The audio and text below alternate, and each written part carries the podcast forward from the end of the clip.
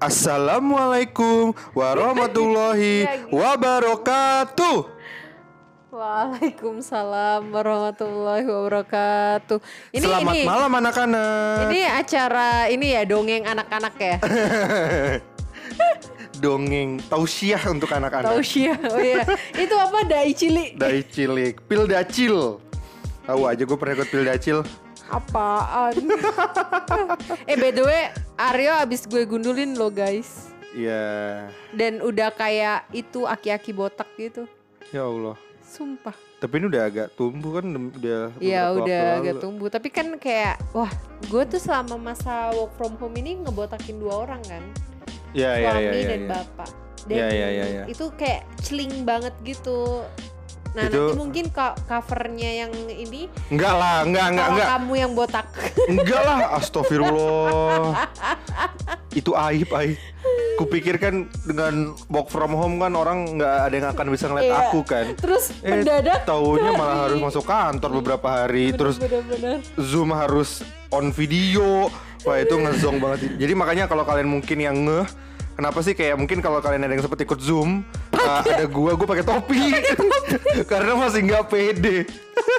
karena terakhir botak tuh S- SMP. Iya. SMP terus paling panjangnya rambut gue itu kuliah. Kuliah tuh waduh itu kayak rambut gondrongnya gue Tapi sih. aku ini banget kayak bahagia banget habis ngegundulin orang kayak gila gue achievement gitu. Iya. Padahal dulu aku ingat kamu nggak mau rambutku botak sebenarnya. Iya, Tapi cuma karena ini doang ya. iya suka aja. Iya. Karena kan aku juga emang suka gunting rambut sendiri. Iya sih, kayak- aneh sih. Heeh. eh, bukan aneh. Ya aneh lah enggak. Berhemat, Asal Eike. asal kalau potongnya bener sih nggak apa-apa. Itu namanya frugal living. Pembenaran. Oke. Sebenarnya bukan ini topik diskusinya. Bukan soal rambut yang botak. Kagak Tapi kayak mendadak gue ngelihat rambut suami gue, gue jadi kayak oke. Enggak, tapi tapi tapi gini, jawab dulu. Apa? Dengan rambut gue kayak gini ganteng kan? Ketika seperti awal pertama kali bertemu. gue mah ya gimana pun lu, lu tuh tetap Oke, kita lanjut. Sip. Udah tahu jawabannya. ya, oke.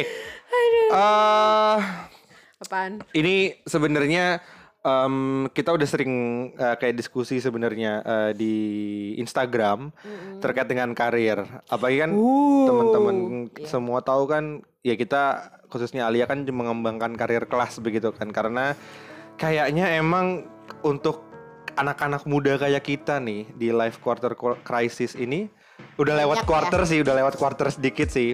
Ya maksudnya kayak Masih lah, secara hitungan itu masih. oh masih masih ya masuk ya. Masih Ya, ya artinya ini kita masuk Eh kita masih ke- muda ya, gue belum sampai 30 tahun loh. Iya, Ali aja belum 30 apalagi gua gitu kan. Karena lu lebih muda gitu dari gue. Ngeselin. Nggak perlu dipertegas orang udah tahu kok. ya, jadi Gak jadi nih. eh, ini jadi salah satu hal yang mungkin sering eh, didiskusikan, tapi memang kalau di Instagram sih lebih banyak ngomongin tentang karir kamu kali ya. Iya. Iya nggak sih? Kayak karena kamu yang le- memang akhirnya lebih sering pegang akunnya. Kalau gue sih login di handphone gue cuman buat ngeliat-ngeliat doang sih. Jarang banget lu nulis-nulis gitu. Jadi selalu Alia lah yang ngisi konten-konten Instagram.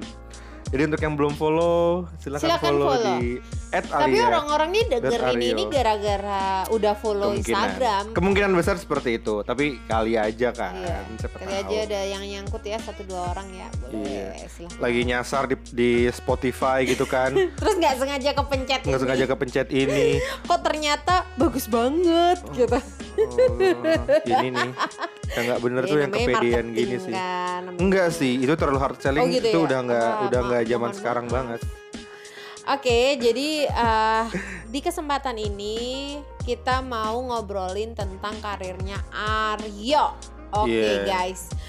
So hari ini eh, biasanya kan gue ngulitin orang ya, ngulitin karirnya orang. Nah ini gue mau ngulitin karir suami gue. Oke. Nah, apaan jadi sih itu apaan kayak sih efek gitu loh maksud aku. oke Nah, terus kayak eh, apa namanya? eh, mungkin beberapa teman-teman karir kelas tuh bi- sering bilang kan Mbak Alia tuh kayak galak banget sih gitu. Ya, bukan gua- kaya Emang? Kayak Mbak Alia galak banget sih eh, apa namanya kalau negur atau lain sebagainya tuh emang nggak pakai perasaan gitu. Ya gue nggak ngerti sih gimana caranya negur pakai perasaan itu kayak bingung juga sih gue gitu kan. Terus eh tapi tenang aja gue tuh nggak tebang pilih pun ke Aryo dulu pertama kali Aryo eh, build karirnya gitu. Wah gue tuh galak banget guys. Dia bikin CV aja LinkedIn aja tuh gue galak banget. Jadi kayak ya udah. Buktinya cie. Buktinya apa? nggak ngerti. Di nggak jelas. Oke, nah eh, sebelum kita ngomongin karirnya Aryo, pasti kayak banyak teman-teman yang juga eh, penasaran gitu loh kehidupan kamu waktu kuliah tuh kayak gimana. Kalau aku kan udah jelas ya, aku tuh lurus-lurus aja anaknya gitu kan, prestatif gitu kan dulu waktu kuliah gitu. Nah, Loh. Loh, mau prestatif-prestatifan nih? Iya. Hah? Nggak gini nih, gue akuin, gue akuin, gue SD SMP kalah, eh enggak sih. SD SMP mungkin gue emang bukan orang yang tipe orang yang prestatif. Tapi cuman SMP gue ya vokalis gitu kan, tahu kan? Apaan sih ya Allah eh, Tetep eh, ya. Lu kalau dengerin beberapa episode ke belakang ya Entah kenapa dia selalu nyebut kalau dia tuh vokalis band Terus kayak So what? Oke Nanti nanti berarti ada satu sesi episode khusus itu gue nyanyi. Eh, jadi silakan Eh. tuh kalian yang mendengarkan eh, bisa request mau dinyanyikan lagu apa, bisa usah, DM nggak ke usah. akun Instagram kita @alia.aryo. Nggak Ditunggu. usah, nggak usah, nggak usah, nggak usah sakit sakit kuping. Nah, tapi itu kan SD, SMP, SMA tadi vokalis itu kan. Nah, SMA sebenarnya SMA kan lu ini eh, pernah ganti sekolah kan? Gara-gara tawuran. dia nggak ada urusannya. Ya, Astagfirullah. tapi lu emang pernah tawuran kan? Iya, SMA kelas 1 emang tawuran. Iya. Kelas 2 juga. kelas 3 juga sama aja. Ya Allah. Enggak, enggak, enggak. Guys Enggak, bayangin bukan. guys dengan gue Ya yang Allah. kayak mewakili sekolah ke mana-mana. Terus Gue juga gue- mewakili sekolah. apa? Dalam hal tawuran. Iyalah, itu mewakili sekolah loh. Itu bawa pride sekolah itu. Ya Allah. Aduh, gimana ya? Kan katanya Allah tuh menjodohkan kita kan dengan eh, hambanya gini, gini. yang sekufu gitu loh. Iya, enggak gini. Muda tuh cuma sekali al. Jadi kamu pasti nggak akan pernah merasakan rasanya adrenalin tawuran. Ya Allah. Uh, bawa Jadi- aqua gelas. Jadi Aryo tuh setiap kali kete- ketemu teman gue dia selalu tanya gini, "A- Alia itu dulu gimana? Dia tuh udah kayak ketemu teman gue yang SMA, kuliah dan jawabannya semua sama. Iya Mbak Alia ya baik ya kayak gitu baik lurus-lurus aja Enggak, suka belajar. Gue nggak pernah nanya itu sih. Eh, oh iya iya iya iya. ya iya, iya. orangnya ya. Nggak usah nunjuk-nunjuk, nggak usah nunjuk-nunjuk. Eh, tawuran juga nih. Ya, Nah. gue menang dong kan gue udah pengalaman. Udah lanjut. Oh iya, ini, iya, oh iya, ini iya. ngomongnya Oh iya. berapa menit buset. Ya ente yang iniin dari Iya. awal. Jadi sebenarnya kayak gue tuh udah terbangun jiwa kompetisinya itu sebenarnya jadi dari SMA sebetulnya. Dari SMA itu kan ikut baseball, terus kayak mewakili sekolah, mewakili Jakarta juga sampai Pelatda sebenarnya. Terus ya itu udah kayak mulai wah gila gue menemukan uh, kebanggaan Jati diri. diri gue jati diri gitu kan. Itu SM, SMA kelas 1, kelas 2, ya kelas 3 juga, tapi kelas 3 tuh sejak diterima di UGM tuh udah mulai jarang latihan lah gitu karena udah persiapan ke uh, U- UGM. Bahkan gue masuk UGM pun lewat jalur prestatif sebetulnya. Oh gitu. Ah, jalur prestatif gue lampirkan sertifikat-sertifikat baseball. Iya. Gitu. Jadi ya Karena nggak keterima masuk UI ya? eh sorry nggak daftar. Oh, serius? Sorry nggak daftar. Enggak deh Eh, nggak daftar. Daftar. Nggak daftar, sotoy banget. Aku nemuin di Facebook kamu. Hah? Nggak ada. Iya, Nggak ob- ada. obrolan kamu sama gebetan kamu. Eh, Gebetan. Iya, Kamu lah. salty. Dia nggak ada. Nggak ada Al. Nih, kok awal gue daftar Unpad. Unpad udah diterima. Itu pas lagi awal-awal dulu lah. Akhirnya setelah itu UGM buka jalur pertama kalau nggak salah kan penerimaan rata-rata tuh di bulan Mei Juni kalau nggak salah.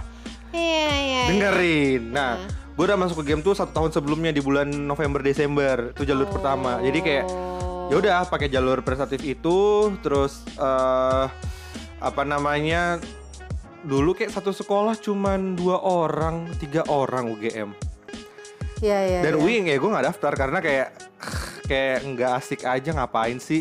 Oh, Kayak di Jakarta coret gitu. tapi gue sebagai anak UI, Mars, UI, Mars UI gimana? Mars UI gimana? Ada Jakarta Jakarta gitu kan? Emang ya yang Salemba oke ada lah. dong kan ya Salem- Salemba. Ya Salemba eh guys, doang. lu lu tau gak sih? Rektoratnya gue sama Aryo sangat sering berantem soal U- UI versus UGM. Ya kayak gini. Enggak. Tapi ya gitulah ya. Lebih panjang lah ya. Gue nggak mau memperpanjang itu di sini. Oke lanjut. Ya UGM terbaik. Oke. Terus habis gitu Oke. diemin aja lah. Jadi eh gitu ya. Jadi dari dari SMA gue udah kayak terbangun jiwa kompetisi. Itu pertama kalinya tuh gue menemukan kayak suatu jati diri, pride di diri gue. Terus eh, mulailah masuk ke eh kuliah. Nah, pas kuliah gua kan kayak eh, bosen ya sebenarnya di bidang olahraga lagi kan. Sebenarnya walaupun kayak ada suatu kayak keharusan eh, mengabdikan diri ju- untuk membangun eh, baseball softballnya UGM sebenarnya. Oh, iya. Tapi- iya, ada kayak semacam itu. Tapi gue cuman Wow. kayak ikut di awal-awal doang. Itu kayak bener ya? kebalikanku ya. Aku tuh nggak suka olahraga bang. Oh gitu. Iya, dulu dulu gue tuh kayak wah gue olahraga olahraga gay banget sih dulu. Jadi ya olahraga apa baseball terus fitness. Mhm. Bahkan SMA pun juga ngewakilin SMA buat dulu itu kalau Saints kan OSN ya. Ya, aku OSN tuh. Kamu OSN, aku OON. Oh iya. Olimpiade Olimpiade Olahraga Nasional. Kalau nggak salah namanya ya. Oke. ON gitu untuk di eh, lari gitu, lari Wow. 100 meter. Really? Iya. Cincah? Nani? Apa itu? bahasa Jepang ay. Oh iya. oke. Uh, soalnya gue belajar bahasa Jepang. Gitu. Terus eh gitu SMA. Nah, SM eh, pas lagi kuliah sebenarnya ada kayak semacam keharusan karena kan ya gue masuk jalur prestatif kan gitu Hmm. di bidang olahraga. Nah, terus tapi gue kayak bosen sebenarnya kayak aduh masa kayak gue mau olahraga-olahraga lagi gitu kan. Nah, gue pengen coba dunia baru. Pas lagi apa ya? Kayak dulu pas lagi mahasiswa o- pas lagi zaman zamannya ospek ospek gitu kan kayak ada pengenalan organisasi gitu kan Hmm. terus kayak gue ingin langsung belajar jadi karena gue orang politik kan gue gue jurusan Mahasiswa. ya gue mahasiswa gue kemarin tuh ambil jurusan manajemen dan kebijakan publik di Visipol gitu kan ya kalian anak Visipol gue gak ngerti politik gitu kan Hmm. gue sebenarnya dari SMA juga suka isu-isu politik politik praktis tapi emang nggak yang mendalami gitu kan. Makanya gue ambil politik juga. Nah eh, akhirnya gue apa ya kayak di di UGM di kampus buat belajar politik gitu kan. Nah gue langsung ambillah eh, organisasi langsung tuh gue ikut BEM UGM Oke. karena kalau di beberapa kampus sih kayaknya nggak bisa langsung masuk ke BEM universitas ya harus ada Nggak tahu. jenjangnya dulu ada beberapa kampus gitu kalau UI bisa nggak sih langsung ke Aku nggak ngikutin kehidupan perbeman Oh, kamu nggak ikut ya? Nggak tertarik. Eh, karena yang gue tahu tuh ada beberapa kampus tuh yang dia harus dari jurusan dulu fakultas langsung universitas. Nah kalau di UGM sih nggak ada yang kayak gitu, langsung aku masuk universitas. Hmm. Dan di di bulan-bulan awal eh, kampus itu jadi titik poin balik aku sih sebenarnya sih parah sih. Jadi gue tuh kan yes gue orang politik tapi gue nggak pernah yang kayak berdebat politik baca bacaan politik yang mendalam diskusi itu masih jauh dari gue lah gitu nah untungnya di bem eh nih ingat banget sih gue ada dulu namanya Mbak Laras Oh, aku tahu. oh, kamu mau tahu Mbak Laras ya Pukat ya? Puk- sekarang kayak pukat masih nggak ya nggak tahu deh Nggak tahu dulu sih. Dulu oh, pukat. Korupsi-korupsi gitu kan? iya jurus apa dia fokus di isu korupsi Iya. bukan korupsi iya iya maksudnya kayak dia suka ngebahas tentang isu-isu korupsi. iya benar nah Karena aku sering ngeliat dia di medsos dulu ya. Iya iya iya iya. Jadi eh gua masuk BEM kan jurusan banyak ya. Ada advokasi, ada propaganda, lain-lain macam-macam gitu. Nah, aku masuk kasrat, kajian strategis. Kenapa? Karena yaitu kita diskusi tentang isu perpolitikan, isu nasional, isu energi, isu-isu kayak gitu. Nah, gua rasa ini kayak paling pas nih buat gua kalau gua mau belajar gitu kan. Nah, di suatu ketika ketika akhirnya gue masuk BEM nih gue masuk BEM terus gue eh apa namanya lagi duduk-duduk di kayak di sekretariat gitu tiba-tiba Mbak Laras manggil gue yuk gitu mau ikut nggak lomba debat Buh gila gue yang nggak ngerti ngomong gimana gitu kan Aku lihat apa Aku lihat foto kamu yang itu dapat juara kan? Aku nggak juara. Oh nggak juara. Nggak, kita kirim dua tim. Aku nggak juara, temanku satu lagi yang juara. oh, Tim. berarti aku ngelihat piala teman kamu. Yang ya? paling awal itu kan, tahu kan? Nah, itu pertama kali gue ikut lomba itu langsung se Jogja apa se Jogja Jateng gitu lupa lah gitu. Oke. Dan dari UGM ngirimin dua tim. Ada aku kan bertiga bertiga kan, nah, ya tim aku yang kalah. Tapi menurut aku yang justru itu jadi pembelajaran luar biasa sih, karena pembelajarannya adalah ketika selama proses eh, menuju perlombaan itu kayak tiap malam selalu di sekre untuk kita latihan isu, latihan ngomong, Hmm. public speaking, terus latihan untuk gimana kita bisa mencari celah orang untuk bisa berdebat kayak gitu tuh tuh Oh, life changing oke. gua banget sih. Itu titik Kok- balik, soalnya balik kalau gua aku sih. nggak pernah lomba yang debat emang debat gitu loh Oke. aku lebih ke kayak lomba-lomba Tulisan ya? tulisan Oke, terus oke. habis Iya, itu iya, ya apa presentasi gagasan lebih ke situ jadi debatnya lebih ke debat sama eh, juri bukan debat sama Iya, iya. tim lain gitu Kalau gua awalnya debat, debat ngomong ya, debat ngomong tapi lama uh, set- nggak lama setelah itu gua mer- masuk juga ke ranah penulisan sebenarnya. Tuh gua kayak ikutin lah sempat beberapa kali lomba, cukup banyak sih lomba uh, yang gue ikutin pada saat itu. Dan itu membuat gua makin percaya diri untuk kayak ah nih gua nih kalau dulu dulu SMA itu gua olahraga, ya Nah pas lagi kuliah gue merasakan oh gue sebagai uh, mahasiswa politik ini passion gue nih kerasa banget nih. Akhirnya kayak ke- ketika diskusi sama temen gue gue akhirnya bisa lebih ngerti kayak gitu gitu lah itu seru banget belajar di situ gitu kan terus uh, ya gue masuk ke penulisan juga akhirnya ikut lomba-lomba penulisan gitu. Terus uh, ya itu sih. Jadi akhirnya di BEM pun gue uh, ya terlibat di apa namanya jadi wakil loh gitu ya. Hmm. jadi wakil menteri pada saat itu di di semester 2 kalau nggak salah gue semester 2 semester, atau semester 3 kuliah gitu. Nah pokoknya semakin lama semakin lama ya di kalangan jurusan di kalangan fakultas ya ya gimana gue nggak mau sombong sih. Jadi maksudnya kayak tahu bahwa Aryo kayak debat gitu ya nggak nggak nggak kedebat kayak eh, mahasiswa pergerakan wah kok gue sotoy banget ya karena ya karena mungkin kastratnya itu kasratnya itu sih memang sih di level BEM juga Ah, kan di gitu. universitas. Jadi gua di situ akhirnya gua me- semakin percaya diri untuk melakukan banyak hal.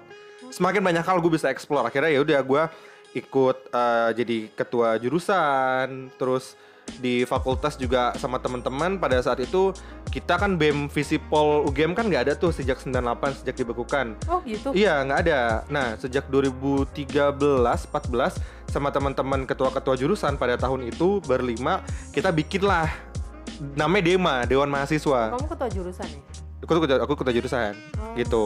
Jadi setelah kita bikin Dema akhirnya Dema Visipol UGM ada lagi ketua apa Gamapi oh iya keluarga mahasiswa ya manajemen pendidikan publik. Gawat. Lucu namanya ya. iya iya, iya. gitu jadi itu kayak itu itu masa-masa organisasi masa-masa kayak gue pergerakan karena emang Iya. gue beberapa kali ke DPR untuk kayak bawa nama UGM untuk dulu gue inget banget kayak bawa eh, UUPT undang-undang pen- pendidikan tinggi yang pada saat itu kayak mau ada komersialisasi pendidikan dan wah gila itu seru banget sih. Jadi kalau gue, gue disuruh berangkat sama BEM dan nih lu berangkat gitu kan sendirian yang lain pada gue masih cungpret banget kan wakil menteri doang kan yang lainnya ketua BEM ketua BEM semua gitu sama anggota DPR jadi tau gak sih itu istilahnya tuh eh, RDP rapat dengar pendapat jadi kayak Oke. kita perwakilan BMSI seluruh Indonesia terus ada media juga terus ada anggota-anggota DPR dari situlah kita ngomong gitu kan kayak wah gila nih pertama kalinya gue disorot TV nasional terus eh, di apa namanya di DPR gitu kan tapi akhirnya setelah itu beberapa kali akhirnya ke DPR cukup banyak gue hampir kayak 6-7 kali ke DPR pada saat itu Wow. untuk kayak RDP ataupun untuk kayak gue dulu ada ya adalah kayak suatu acara DPR eh, namanya parlemen parlemen muda apa ya kalau nggak salah apa parlemen remaja gue lupa lah gitu nah itu untuk mahasiswa eh, mahasiswa mahasiswa dan gue ikutan di situ iya gitu. acaranya kan di UI salah satu visitnya kayak ke UI deh enggak kamu ngumpul pertama kali di UI ngumpul pertama di UI Iya. ya Ngu- karena mungkin karena aku nganterin ke Oh, balai sidang Oke oke oke oke. Iya ya. Hmm. Terus habis itu kita acara di Bogor. Yes Wis betul Bogor terus ke DPR situ ya Iya. gitulah. Jadi itu kayak harusnya gue ikut tuh ya "Wuh, kalau lolos, sorry. tapi emang kehidupan gue sama Aryo totally different sih guys beda banget sih maksudnya kayak gue nggak suka tuh yang kayak gitu-gitu Alia tuh belajar banget. Ya. Sementara gue sebaliknya. Nggak, tapi gini Kayak- sebenarnya nggak gini. Aku justru sebenarnya belajar in practice sebetulnya. Iya, Karena iya. kalau di kampus ya gue belajar oke konsep teori Max Weber, Karl Marx dan lain-lainnya, tapi dalam ranah eh, di luar kelas ya akhirnya gue ikut pergerakan yang gue tahu oh sebenarnya itu harusnya seperti ini seperti ini dalam konteks Indonesia dalam konteks Jogja UGM pada saat itu harusnya seperti ini gitu gitu Nah, sih itu, mungkin menarik banget yang menurut gue dinamakan dengan street smart sama book smart sih. Oke. Maksudnya ada dua tipikal orang kan, orang yang dia itu eh, pinter karena di jalan gitulah intinya, terus ada yang pinter ya karena belajar gitu. Nah aku tuh tipikal yang eh, apa ya istilahnya paham sesuatu tuh ya karena emang belajar gitu, belajar ya, ya, ya, ya, ya. belajarnya kayak di buku gitu kan. Oh mungkin emang kayak orang ya nggak tahu sih visual yang harus ngelihat ya aku, baca atau ya, aku nonton. emang super visual sih. gue tuh motorik sih soalnya. Ya. gue harus kayak mengerjakan sesuatu untuk kemudian gue bisa ngerti gitu. Gue Iya, sometimes visual tapi kayak gue lebih enjoy dengan eh, pembelajaran sifatnya. Emang gue langsung mengerjakan sesuatu gitu sih Iya, gitu. nah jadi eh, gitu gue belajar banyak hal di pergerakan-pergerakan itu. Tapi emang gue eh, at the end gue juga bisa concern dalam sisi akademisi. Kayak gue akhirnya ikut ke exchange kayak tadi yang kemarin sempat kita diskusi ke Korea ke Thailand gitu-gitu sih. Nah jadi eh, bahkan gue eh, di akhir-akhir kuliah gue sempat ini kayak magang. Nah itulah masuk gue eh, belajar tentang corporate Oke, karir awal itu karir awal magang banget ya? gue di magang Tapi sebenarnya kayaknya kamu banyak banget kan magang tiga tempat ya kalau nggak salah. Dua. Tiga dong. kok tiga satu kan yang di perminyakan itu Heeh. satu lagi di konsultannya Iya. Satu lagi di mana yang di pemerintahan? oh ya itu kan setelah kampus Iya iya iya. Itu setelah kampus, Iya, ini ketika kampus. Tiga kali Iya, magang iya, iya, berarti iya. hitungannya. Iya benar gitu jadi nah menariknya nih ini jujur sih menarik banget sih ketika magang itu itu adalah ini life changing juga bagi gua jadi gue magang di suatu perminyakan uh, multinational company dan di situ gua uh, menghandle tentang amdal betul amdal nggak Ya. Analisa Apa? mengenai dampak lingkungan. Iya, itu kepanjangannya. nah, jadi mungkin kalau kalian tahu, AMDAL ini kan dia dibagi dua ya, ada lingkungan dan sosial. Nah, gue sebagai orang sosial, gue uh, menghandle lah untuk isu sosial begitu. Dan di situ adalah akhirnya gue mengerti bagaimana suatu kebijakan sosial dalam perspektif perusahaan itu dibuat gitu.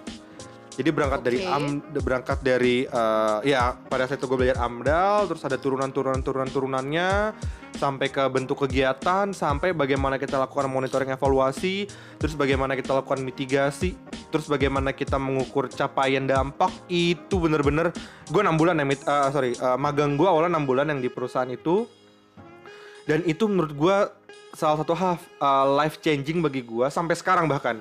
Dan itu pertama kali kamu ke Papua ya? Eh iya kayaknya deh. Iya iya Iya. iya iya iya.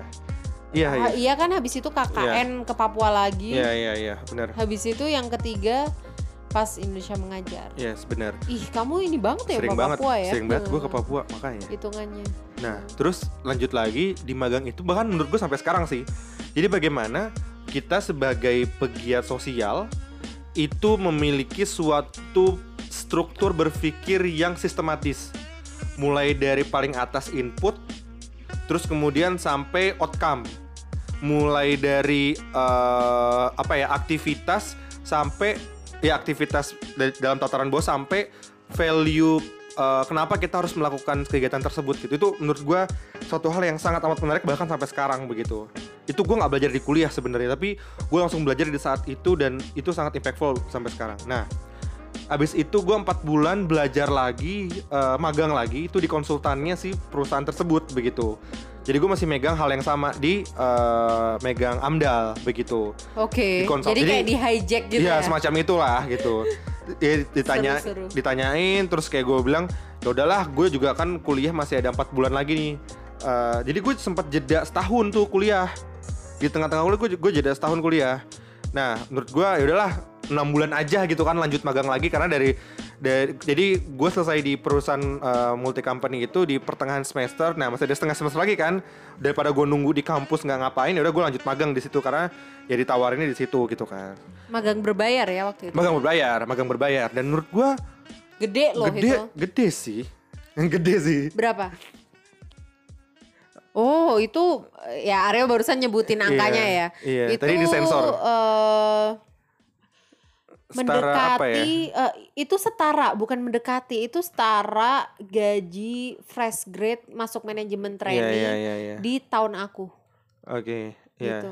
Jadi Ya, itu gede cukup- banget sih cukup berarti. besar sih emang sih makanya gue nabung gue bisa beli handphone enggak Oh, enggak iya.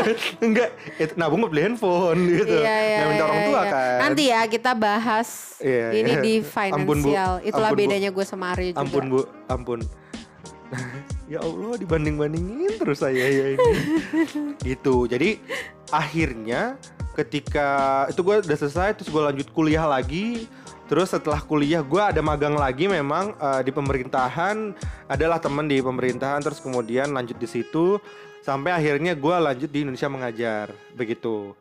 Eh, dan pas banget gue tadi cerita eh, di episode sebelumnya juga gue dapet di Papua. Begitu kan yang ini ya dream come true banget lah bagi gue jadi kebayang ya dari awalnya gue eh, belajar ilmu sosial itu di lapangan Uh, jadi kayak bener-bener grassroots itu apa sih sebenarnya dibutuhkan oleh grassroots begitu kan? Terus kemudian sampai akhirnya ketika gua magang itu gue bisa m- 180 derajat berbeda banget pandangannya karena gue melihat top level bagaimana top level uh, itu melihat suatu uh, kebijakan sosial begitu. Jadi dua sudut pandang banget yang berbeda tuh. Sampai akhirnya ketika gua di Indonesia mengajar itu in between menurutku sih. Jadi sometimes gua uh, grassroots Hmm. tapi sometimes gua harus buat kebijakan juga begitu kan karena ya gua harus bikin program pendidikan bikin engage, bikin engagement ke masyarakat kayak gitu kan jadi menurut gua ini lengkap ya nggak tahu sih pembelajaran menurut gua sih pembelajaran yang cukup lengkap sih Hmm. untuk ya bagaimana memahami eh, suatu ilmu sosial begitu kan. Nah, eh itu setahun terus gue lanjut lagi di Indonesia mengajar juga sama itu di eh, gua di kantornya sekarang Heeh. Di bidang partnership. Yes. Nah, ini menurut gua suatu hal yang baru sih bagi gua. Ini suatu hal yang baru banget. Jadi kan kalian mengerti ya kalau partnership itu kan eh, gimana kita bisa engage eh, stakeholders untuk kemudian bisa ikut sama-sama eh, bergerak bareng kita gitu kan. Ya sponsorship lah eh, singkatnya. Jadi eh, gimana gue meyakinkan orang, terus ya gue bisa cerita eh, khususnya company pada saat itu gitu kan. Itu ya dan gue sebenarnya nggak punya tuh skill itu sebetulnya. Iya. banget. Gue nggak Itu- punya skill itu itu sebetulnya. ya ketika Aryo menjalani pekerjaan itu dia bilang ke gue gitu kan. Itu itu mau nikah ya? Mau nikah Ya, ya, ah, ya, ya. Aryo keterima di situ terus kayak ya udah jalanin aja.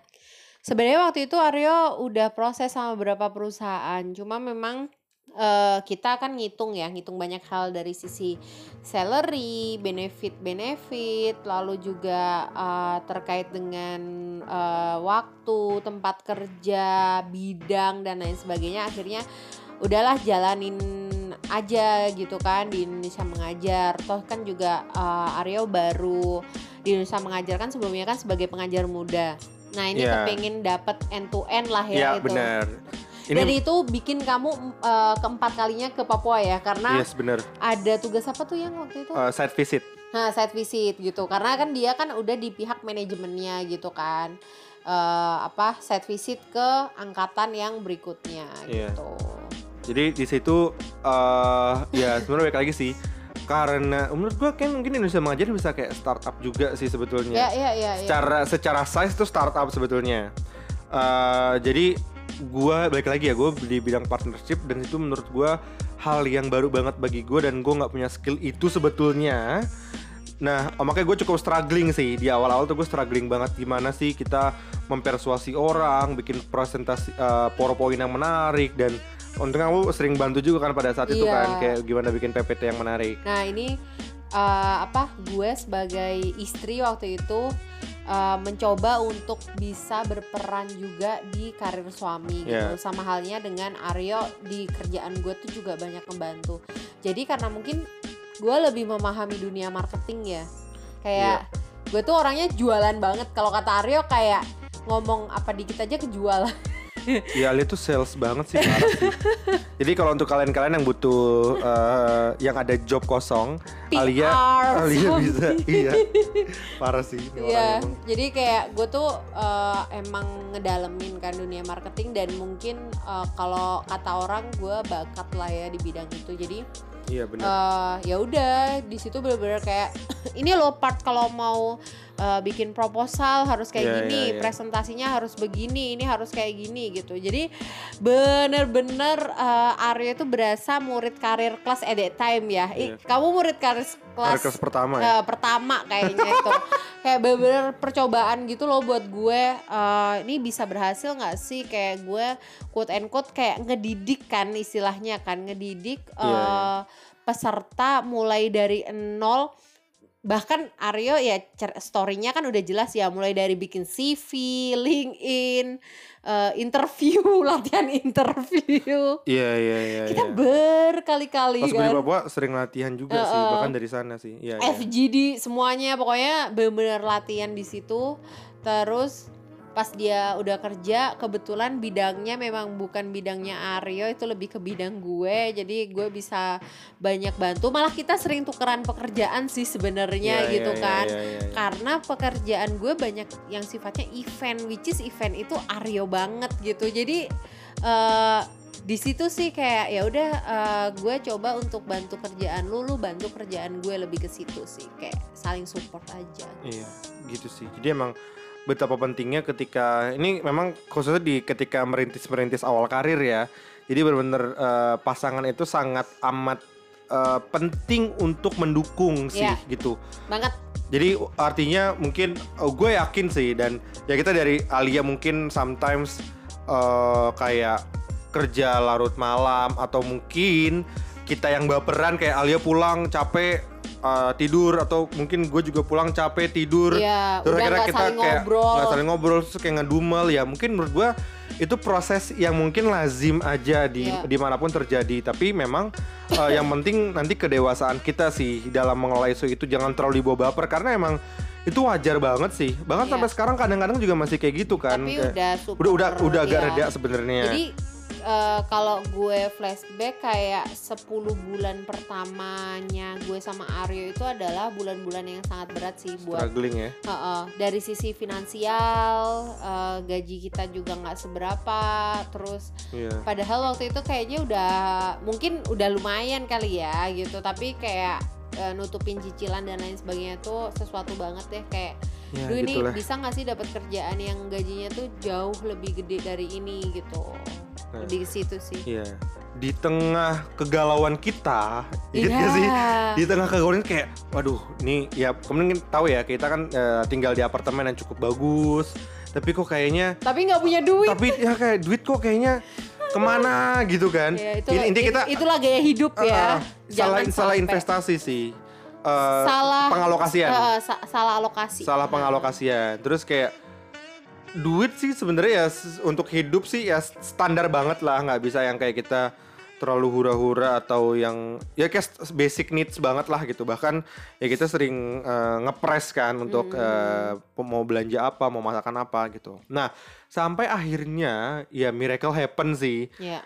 Eh ketika gua tadi ya masih di Indonesia mengajar terus gua eh, di LinkedIn nah, ini nah ini LinkedIn mulai works nih di sini Nah, nih. makanya jangan lupa ikut karir, Karir kelas.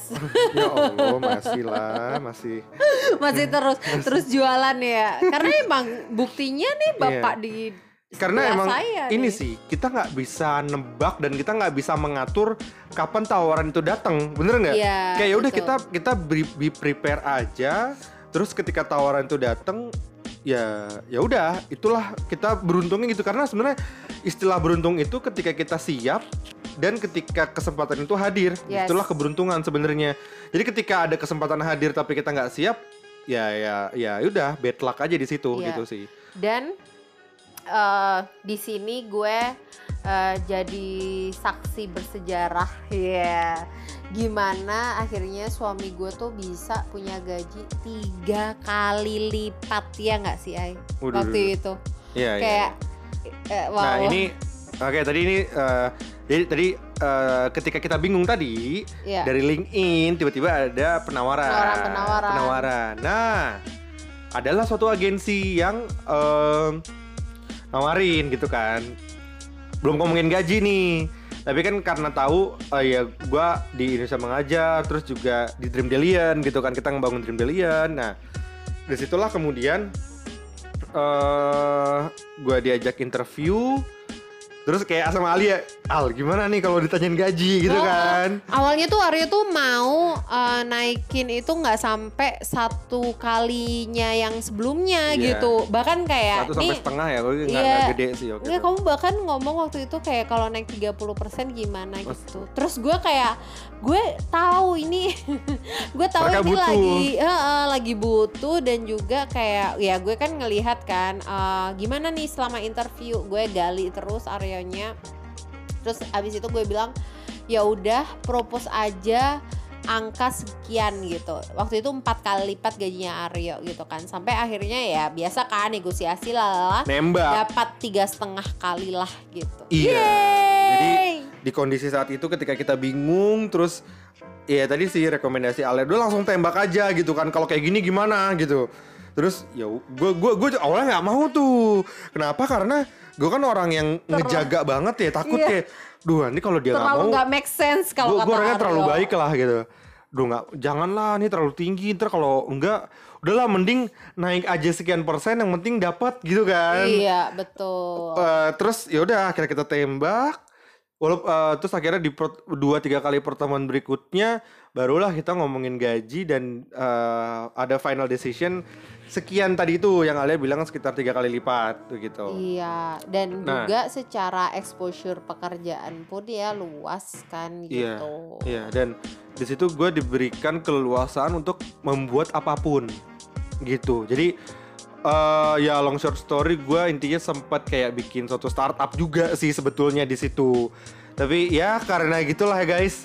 eh, yang namanya startup dinamikanya luar biasa jadi tidak dilanjutkan. Iya dan menurut kita kenapa kita ceritain ini dulu kan malu gitu kan nggak berhasil gitu tapi eh, hal-hal kayak gitu menurut gue pribadi eh, harus diceritain biar apa biar jadi pelajaran bahwa ya semua orang punya fase gagalnya masing-masing gitu kan ya gitu. Iya iya iya. Nah, terus habis gitu eh habis itu Aryo mulai untuk itu ya bikin project ya. Iya, jadi di di saat itu ada kayak sambil juga bikin project begitu kan. Iya. Bikin project Setelahnya sih, Ai. Kayak awal mulai ya Heeh. udah mulai inisiasi kan sebenarnya Iya, kan. iya. Udah mulai inisiasi terus ya ya udah akhirnya tapi ya itu ya ketika tadi gue bilang eh, ketika gue dalam membuat startup tadi itu dan kemudian belum berhasil kayak gue self reflection gagalnya ini karena ini dan ya udahlah yang kemarin udah selesai itu cukup Iya. jadi pembelajaran dan itu menurut gue balik lagi itu jadi salah satu pembelajaran yang sangat luar biasa karena di situ kayak gue akhirnya bisa ketemu dua menteri untuk kerjasama sebetulnya Yes. dan udah mau sebenarnya tapi karena ada suatu hal akhirnya nggak jadi lah Iya, begitu. literally ketemu menterinya Ah, guys. meeting bareng sama Meeting menteri dengan menterinya. dan kantor kita nantinya itu juga di ruang kementerian tersebut Iya. begitu tapi ya udahlah itu itu cukup nyesek sih sampai sekarang gue pikir tapi ya baik lagi itu, itu jadi salah satu cerita gagal di karir Aryo yang banget Iya sih. sampai dia sakit, sakit masuk rumah apa sakit apa istilahnya eh, Psiko- psikosomatis, tapi psikosomatis. parah gitu loh sampai dia nggak bisa jalan dan Iya. itu membuat kami di rumah sakit hampir dua bulan sih waktu itu in total dua karena dua kali ya iya dua kali masuk rumah Dua kali. sakit kayak dan di kondisi yang duh eh, apa namanya nggak ada asuransi areanya Ah itu berat banget sih buat gue pribadi Iya. berat. benar gitu. karena ketika gue nggak ber- belum berhasil tadi itu terus gue cabut kan mau Iya. fokus ke project Yes. tapi kayak masih galau masih banyak pikiran makanya tadi gue jatuh lah sakit makanya itu wah itu itu guys in- itu ya itu salah satu titik terendah kita sih Iya. sebenarnya sih Yes. Itu parah sih. Dan uh, itu sampai nangis sampai ya Arya ah, nangis gitu pertama itu kali. gila sih itu gila Dan- dan aku inget banget Ai. uh, Eh, waktu kamu bilang bahwa kamu keluar dari pekerjaan kamu, hmm? kita lagi di depan TV nih guys, iya gitu. benar Terus habis gitu depan TV rumah yang sekarang dan uh, kita berdua nangis. Nangis kayak, duh kita uh, gimana nih kehidupan kita gitu. Kayak makanya kalau kalian sekarang ngerasain yang namanya di PHK, dirumahkan, whatever itu, itu relate sih itu gimana tuh Ay? relate. Rasanya Ay. jadi itu ya kayak gitu ya, udah per- kita udah pernah Iya. ngalamin ya. ketika gue nggak berhasil terus kemudian cabut dan ya pada saat itu ya gue malu ya sebenarnya nggak berhasil di situ dan gue sebenarnya kayak gaya-gayaan mau bikin project tapi itu pun sebenarnya projectnya juga masih belum mature ya. Masih di inisiatif masih ini tahap inisiasi lah ya masih nggak jelas. Terus kayak ah gila. Kayak depan gua ada tembok tinggi gua nggak bisa ngelewatin itu. Persis fix. Iya. sumpah. Dan dan itu pertama kalinya gue ngelihat Aryo menangis setelah akad. Oh gitu Waktu ya akad kan kamu nangis. akad gue nangis ya Nangis. oh nangis ya ya biar biar kayak ada ceritanya sih Ih, gue males nangis banget. Nah tapi ini kayak dia beneran sampai nangis dan dia minta maaf ke gue kayak maaf maaf maaf gitu.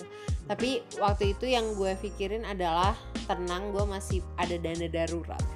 Iya, itulah salah satu pentingnya dana darurat. Nanti kita bahas. Ada bahasannya lagi. gitu jadi ya ya apa eh, semangat buat teman-teman yang dirumahkan yang di PHK kita udah pernah At- atau ada ya, di masa itu gitu. ya atau mungkin anak-anak kuliah yang baru lulus dan kan banyak Bingung ya. banyak perusahaan yang lagi Hmm. belum buka kan sampai Iya. beberapa beberapa bulan ke depan. Jadi ya menurut gua eh, stres itu wajar, pusing itu wajar dan menurut gua ya itu manusia begitu kan. Iya. Tapi jangan sampai akhirnya kita terlalu terbawa sih sebetulnya. Yes. kita harus kemudian bisa memutar ini menjadi eh, positif itu sih itu yang kemudian Mm-mm. ya pada saat itu sebenarnya gue mencoba sampai akhirnya jatuh sakit karena gue inget banget pas lagi gue sakit apa sakitnya tuh nggak jelas gitu kan Iya. dicek Diperiksa syaraf semuanya. dicek syaraf pakai setrum setrum setruman tuh nggak ada aman-aman aja Iya. Terus cek tulang di ronsen juga aman-aman aja Iya. terus cek darah juga aman-aman aja. bener-bener semuanya dicek dan aman-aman aja Yes. begitu itu nggak Jadi, jelas sama sekali Eh, apa namanya eh, di kondisi nggak ada asuransi Aryo keluar dari pekerjaannya tinggal pendapatan dari kantor gue Iya, kan bener. waktu itu masuk rumah sakit yang tesnya macem-macem Wah, gila sih. pula wah itu itu mahal sih itu parah. kita itu mahal banget ya, lu bayangin aja dua bulan total kan? Nah, bukan dua rumah sakit tiga rumah sakit. Iya karena sempat pindah sih. Cibubur, ada yang di Cibubur, terus ada yang di Bintaro. Ada, ya Cibubur dua tempat. iya. Jadi- iya iya benar-benar Jadi itu gokil sih. itu sampai kan gue maksudnya penasaran ya suami gue sakit apa. Dan Arya udah bikin kayak surat gitu guys buat gue kayak apa surat ini eh, wasiat gitu. Itu gue nemuin di handphone dia pas dia lagi kondisi ya gue bisa bilang dia kondisi sekarat sih. Kayak nggak bisa diajak ngobrol ampe waktu itu anak-anak gue anak kantor gue tuh ampe ke rumah bantuin ngangkat Aryo. Karena Iya. saking kakunya dia dia nggak bisa ngapa-ngapain itu bener-bener tuh Itu gila sih. gue nggak bisa jalan itu cobaan ini. terberat sih ya iya iya dan parah semoga nggak akan ada cobaan-cobaan lainnya sih kayak wah itu cukup itu deh sekali cobaan yang paling berat di hidup uh, keluarga kita gitu Iya, itu baik lagi yang makanya gue bilang itu salah satu titik terendah kita berdua Iya. sih dalam rumah tangga ini. Tapi untungnya kita uh, saling mendukung. Itu yang pentingnya yes sih. yes yes Kita nggak saling Banget, menyalahkan ah lu ini sih kayak gini. Gue pun juga nggak menyalahkan Alia, Alia nggak menyalahkan gue. Jadi banget. Ya. kalau misalnya kondisi pada saat itu kita saling menyalahkan, mungkin lain cerita sih Iya. sekarang. itu bisa bisa hancur sih rumah Hancur sih. tangga karena emang gampang banget buat Hah. dihancurin gitu Masalah keuangan tuh salah Nah. satu yang menjadi sumber uh, perceraian ya. Jadi ya untungnya kita pada saat itu masih bisa mendukung. Jadi again kalian yang mungkin di kondisi saat ini tidak baik karena gue yakin banyak pada gini pada saat ya pada saat kita uh, seperti itu yang merasakan pada saat itu ya gue sama Alia begitu kan. Hmm, Nah sekarang yang gue rasakan banyak orang yang mungkin seperti di posisi kita pada saat dulu begitu. Iya, Jadi iya. artinya kalian nggak sendirian, kalian uh, gue yakin semua pun juga merasakan hal yang sama. Jangan merasa sendiri dan eh, pasti akan terjadi sesuatu yang positif kalau kita bisa saling mendukung itu sih. Karena Betul. gua gua kita berdua ngomong kayak gini bukan kayak bullshit, bukan kayak basa-basi motivator gitu kan. Karena emang kita pernah gitu. Dan Pernah, emang kita nggak pernah. cerita ke siapa pun pada saat itu ya mungkin Iya. salah satu yang kita ceritakan baru pertama kali kali ya. Ya ini di sini. Eh, di Instagram kayak gitu juga belum Nggak. pernah mengekspos ini. Nggak nah, pernah. ini ini full full episodenya, full ceritanya tuh di sini nih kita ngomongin Iya. dari awalnya gitu. Ya, Jadi itu, sih. luar biasa sih. Itu tahun-tahun luar bulan-bulan luar biasa men- menurut Ya. kita. Nah, Lanjut. eh, lanjut lagi Eh. akhirnya ketika eh, udah mulai agak baikan di rumah sakit. Nah, akhirnya adalah project yang akhirnya memang Iya. benar-benar kita kerjakan. Nah itu balik lagi guys. Wah, itu, itu, sih itu karena gokil tuh. Emang kan gue hobi banget marketing tadi ya gitu Parah. kan. Gue cari project, car- cari cari cari. Eh by the way ya di kondisi yang tadi diceritain bukan berarti kayak loh Mbak Alia eh, sama Mas Aryo bukannya ada aset. Nah iya tapi kan kesalahan kita nggak ada aset yang cair gitu loh.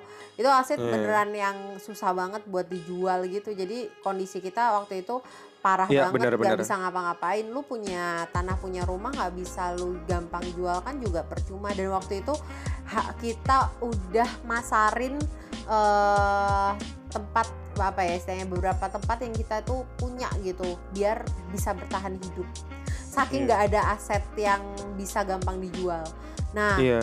terus ya gue kan ngerasa wah ini Tuhan nih nggak mungkin kayak ngasih kayak gini tapi nggak ada jalannya gitu Dan kan. melebihi batas kita nggak Ya, mungkin kan. nggak mungkin gitu ini pasti uh, gue sama Pasti ada Aryo jalan. mau mau diajak untuk naik kelas nih gitu Benar, sepakat. makanya waktu itu kayak gue cari cari cari dapet dong dapet project yang nilainya itu lima kali gajinya Aryo jadi ya kan sebulan Lebih sih. Enggak sebulan Oh, satu bulannya, Uh, iya. per bulannya Tapi itu seperti berapa bulan ke depan ya? ya Itu itu itu wah, itu luar biasa lah. Itu ya sesuatu jadi lah itu bener-bener kayak contoh ini contohnya ya. Januari terpuruk, Februari masih terpuruk, masih Masih kayak ter- masih tiga empat bulan Iya ya gitu. makanya uh, Maret terpuruk terus kayak bulan berikutnya langsung kayak bus gitu. Iya, langsung dan- kayak wah gokil. Eh, masya Allahnya nggak nggak satu kita handle dua dua atau tiga waktu itu gitu Iya, dan tuh big fish semua sih. Iya itu big fish semua Itu gokil dan sih. masya Allah banget ya buat buat kita yang di kondisi wah buruk banget bingung banget eh alhamdulillah gitu maksudnya karir yang tadi eh, kita takutkan kenapa mendadak eh, dirumahkan terus habis gitu eh, dan dirumahkannya kan udah clear ya karena apa eh, project tadi. project yang tidak berhasil itu kan Ah, gitu Ya, begitulah guys. Ya itu Ar- Arya tuh kalau kalau inget itu kayak dia masih Gila sih. pengen nangis Gila sih, sih. karena Itu harga gila sih. diri gitu kan. Gila gila gila gila. Nah terus habis gitu uh, apa masuk ke project ini uh, udah ya project ini sesuatu lah ya kita tiga project ini kita nggak bisa ceritain apa aja Heeh. gitu. Terus baru habis itu uh, kita mulai punya tim, mulai kayak uh, Project udah mulai enak stabil lah ya. Project stabil, tiga project ini, alhamdulillah uh, masih run juga sampai hari ini. Heeh. Terus habis gitu ya Aryo balik lagi ke kantor. ke kantor lagi. Jadi Bagaimana tadi benar pas lagi project udah ada beberapa bulan kita masih handle berdua doang. Iya, iya Terus berdua itu berdua, berdua guys. doang. Itu Wah gila gila gila. bayangin gila. aja gue ngantor plus tiga project. Meskipun majority Aryo yang ngerjain ya, Karena emang tapi gue di rumah. Iya, tapi tetap aja waktu itu emosi banget sih. Maksudnya kan pasti klien-klien ini mintanya cepet semua Iya, kan. Benar benar benar. Dan ya ya sesuatu lah ya buat buat kami berdua gitu. yes. Terus ya udah eh, Terus karena LinkedIn cie lagi iya. nih. Makanya Jadi- belajar di karir kelas. Aduh, karir kelas, karir kelas. Jadi eh, pas lagi tadi ya project udah mulai stabil, nah kita udah punya tim, nah lewat LinkedIn lagi itu akhirnya eh, apa ya? Sebenarnya ada, penawaran. beberapa penawaran Iya, kan waktu itu. Iya, semenjak itu ada beberapa penawaran, ada beberapa eh, unicorn juga Iya. yang nawarin Tapi- begitu. Tapi kayak masih uh, apa bener-bener yang jangan jangan ini jangan itu gitu kayak meskipun ya meskipun di kondisi yang serba terbatas tetap jual mahal Sih, tapi tapi gue ada juga yang gagal sih yang nggak ya ada ada sih. ada ada nah nanti ceritain juga tuh ya. Ya tapi nggak usah sebut nama perusahaannya kan? Iya jangan. Cuma unicorn juga kan? Iya unicorn juga pada saat itu. Dan menurut gue tuh posisinya lumayan keren. Jadi artinya ya gue tetap bisa bekerja tapi uh, proyeknya masih bisa berjalan. Ya kan kenapa nggak hybrid aja gitu kan? Iya. bisa mengerjakan dua-duanya gitu. Nah uh, tapi emang ada juga yang gagal dan gue udah pede banget. Dan gue gagal pada saat itu nih salah satu unicorn ya yang gue akhirnya nggak diterima itu gue sampai tahap interview user. Ini gue inget banget sih. Eh, dia lulusan Harvard. Gue sempet kaget. Eh nggak sebelumnya gue tahu dan gue kaget di situ dan gue penasaran orangnya kayak kayak gimana gitu kan. Dan gue terjebak di suatu pertanyaan. Tahu nggak apa? Apa? Eh tunggu. Apa standar kesuksesan kamu sebagai pemimpin? Jawaban kamu apa kan gue sudut pandang korporat kan. Ya ya intinya eh, tercapai KPI semua deliverable berjalan dengan baik dan lain-lain semua itu. Eh nggak taunya dia dia dia dia pengen jawaban gue yang filosofis. Eh, dia jawab akhirnya di- eh, ketika gue udah ngejawab terus akhirnya dia ngomong pas lagi udah akhir harusnya kamu bilang pemimpin yang berhasil itu adalah dia yang bisa menciptakan pemimpin lainnya Oke. Gua gua tahu, gua tahu itu, tapi bukan berarti gua tidak memiliki standar itu, tapi gue pikir Iya, kan kayak iya, iya, iya. men lu kan ya oke lah ketika lu mau filosofis filosofisan ya mungkin gua akan bisa main bareng nih filosofisan gitu Iya, gitu. Tapi iya. ya pada saat itu gue pikir dia dari Harvard terus kemudian mau ngomongin yang serius ya gue ngomongin lah perspektif corporate ya itu Iya. karena pertanyaan itu menurut gue gue gagal begitu karena wah itu gu- gokil sih dan ada juga satu startup yang well known banget lah ya gitu. Eh Aryo itu bukan gagal tapi eh, waktu itu kayak sikap dari oh user, ya ya ya Jadi- itu gue mengundurkan diri Iya. dari rekrutmen jadi proses. Aryo Aryo tuh cerita gitu kan sampai ke rumah eh, sampai rumah gitu kan kayak nih orang belagu banget sih Ai gitu Gila, gila. maksudnya Attitude-nya cara nggak ada sih. ya attitude-nya nggak ada banget gitu padahal lembaganya ini lembaga yang eh, arahnya ke education gitu tapi ya ya ya ya nggak tapi leadersnya nggak punya attitude gitu. Nah akhirnya langsung waktu itu eh, apa gue gue setelah diceritain lalala eh, dan ternyata ya ada panggilan ya untuk selanjutnya Iya, langsung habis itu kayak gue bilang nggak usah dilanjutin karena gimana pun harga diri itu lebih penting daripada semuanya gitu loh daripada pekerjaan dan lain sebagainya. Jadi waktu itu langsung Aryo eh apa kita bikin draft untuk dikirim ke HR-nya HR si startup itu intinya kita bilang bahwa eh, apa namanya ya thank you udah di invite karena kan semua ini sifatnya bukan Aryo apply ya tapi lebih ke kayak ya ya ya eh, benar dapet benar benar. panggilan kan Iya, waktu benar, itu benar, dari mereka LinkedIn gitu. juga. Dari LinkedIn juga, LinkedIn juga. karena karir kelas.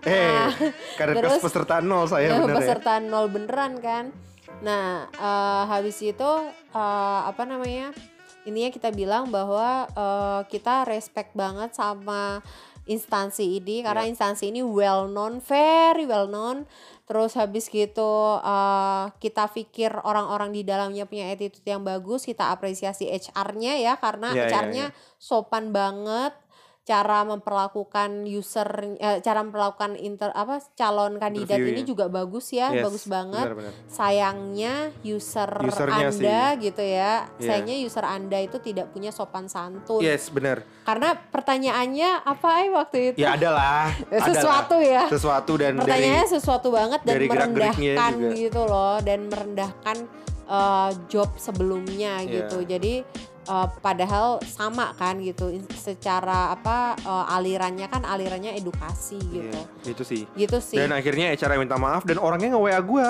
Iya orangnya minta maaf juga maaf si usernya gitu. itu bagus lah ya maksudnya bagus. gimana Sadar lah, paling nggak sadar. iya paling nggak sadar gitu tapi eh, ini jangan pernah dilakuin sama teman-teman Siapa pun kalian ya. iya siapa pun kalian gitu karena kalian nggak pernah ngerti one day orang yang lo Itu akan jadi apa sebetulnya? Heeh, gitu orang yang lo apa anggap bukan siapa-siapa ya siapa pun ya ini gua nggak ngomong konteks Aryo Bener. doang gitu gua ngomong banyak konteks HR HR juga nggak usah belagu-belagu gitu Iya. karena one day kita eh, kita kan akan ketemu sama orang itu kan kadang orangnya udah naik level atau yang lain sebagainya. Makanya eh ya stay humble aja gitu. Kita sama-sama manusia. Dan untungnya Ai selama aku hidup di dunia perkariran ini Hah? aku selalu ketemu sama rekruter HR HR itu yang cakep-cakep dalam artian memperlakukan kandidat itu bagus Oke. banget gitu Karena kan tahu Ali, wah gua kalau ya misalnya enggak, enggak, ini maksudnya dikritik nih itu gue. juga kayak teman-teman aku tuh bagus-bagus gitu Oke. beneran bagus-bagus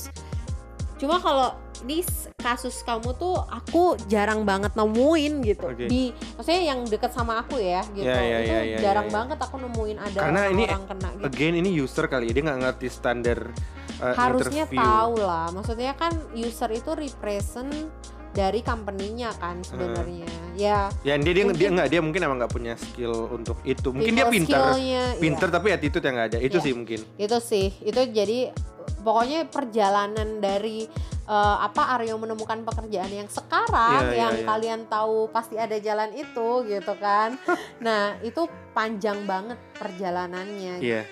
Oke, ya itu Heeh. sih. Tadi balik lagi itu cukup ngelompat tadi karena eh, itu tadi Alia ngomongin eh, ketika gue ditolak. Nah, ketika gue berhasil akhirnya gue akhirnya ditawarin di salah satu eh, apa ya dekakorn.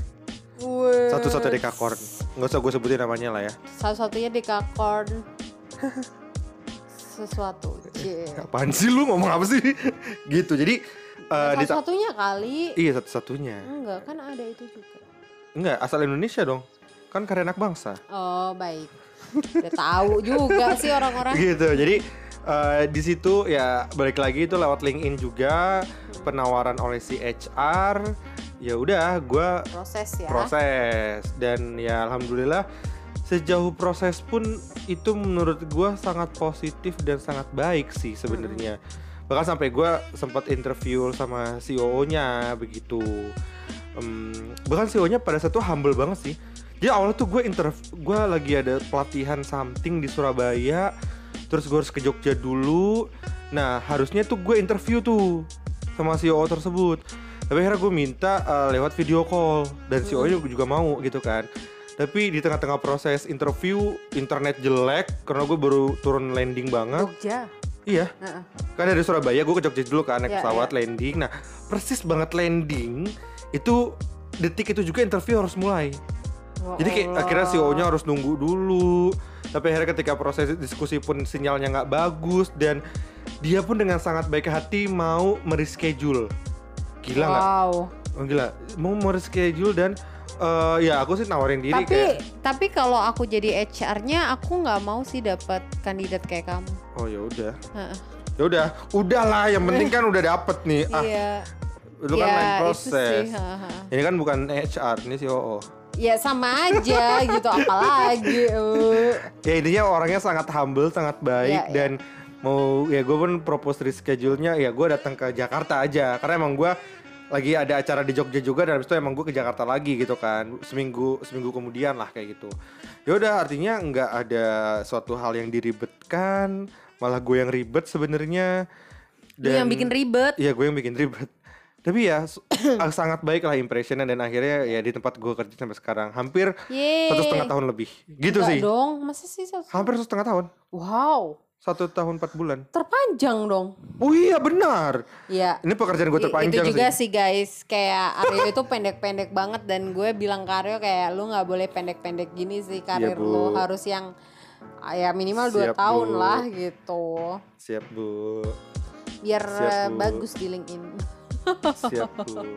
Oke itu sih. Jadi eh, itu eh, historinya dari awal gue ya tadi sempat cerita juga sih ketika kampus ya. Karena menurut gue tuh cukup penting sih. Karena baik lagi di, di kampus itu banyak titik balik yang menurut gue penting dan akhirnya membentuk gue sampai sekarang gitu. Jadi Iya. makanya tadi gue cerita cukup panjang di kampus sampai akhirnya ya gue magang gue ke ke Papua gue akhirnya ya sekarang ini Intinya segala hal itu pasti nggak kayak short uh, Iya. apa istilahnya story lah ya gitu, nggak nggak perjalanan yang pendek juga gitu. Iya. Jadi uh, teman-teman semangat buat yang sedang Yang masih berproses, berproses. ya. Heeh. Iya, Iya, yang masih karena- berproses. Karena kayak setiap orang itu pasti punya timelinenya masing-masing, nggak perlu compare sama orang lain. Bener banget. kayak yang kita alami di keluarga kita pernah kita pernah udah ngadepin kasus PHK dan dirumahkan. Kita Iya, udah iya, pernah ngadepin nggak punya uang bingung makan dari mana eh dan lain sebagainya lah ya gitu karena karir yang nggak jelas. Jadi eh apa pun itu eh teman-teman harus kayak bener-bener mengupayakan dan pastikan kalian nggak cuma punya satu pekerjaan untuk menopang kehidupan gitu. Ini kenapa di keluarga kami dua-duanya bekerja gitu misalkan gitu. Dan juga selain bekerjaan ya harus ada side Iya, Kita berdua nih hybrid sih. hybrid. Hybrid jadi eh, segala hal yang akhirnya kita kerjain yang memang menghasilkan cuan. Yes. Ya nggak nggak melulu cuan sih, tapi maksudnya kayak Oke. pekerjaan podcast ini pun kan juga nggak ya maksudnya kita emang aktualisasi diri aja sebenarnya Iya. kan. Intinya ada yang sosial, ada Iya. yang cuan, ada yang happy happy kayak bikin podcast ini happy happy sih buat Iya. buat gue sama Aryo kayak ya udah sambil cerita masalah ada Stress orang release dengerin ya alhamdulillah kalau nggak ada yang dengerin ya buat kita Ya, aja dengerin. gitu jadi kayak biar nggak terlalu ada beban sih kayak semua hal kalau dibawa beban capek banget Sepakat, sepakat. Jadi bener poin penting dari cerita ini adalah tadi yang Alia udah bilang jangan membandingkan kita punya proses masing-masing. Selama yang penting kalian tidak diam di tempat. Selama kalian bergerak tinggal tunggu waktunya aja kapan mungkin kalian bisa mencapai suatu titik yang kalian inginkan sih. Gue pun iya nggak ngerasa di titik yang gue inginkan. Pasti kita akan terus mau sesuatu pengen lagi improve pengen improve lagi karena menurut gue ya justru itu memang penting begitu kan ya teman-teman mungkin ya nanti akan dengarkan cerita kita lagi proses-proses kita selanjutnya lagi begitu kan? Yes. Karena emang hidup kita tuh sangat berproses dan sangat amat cepat. Tiap bulannya mungkin akan berbeda eh, hal begitu kan? Sesuatu banget. Sesuatu banget. Jadi emang kita sering eh, suka banget nih kita nanti akan sharing-sharing terus di eh, catatan cerita kita Oke, stay tune Terima ya. kasih semua mendengarkan. Bye-bye. Assalamualaikum warahmatullahi wabarakatuh. Waalaikumsalam warahmatullahi wabarakatuh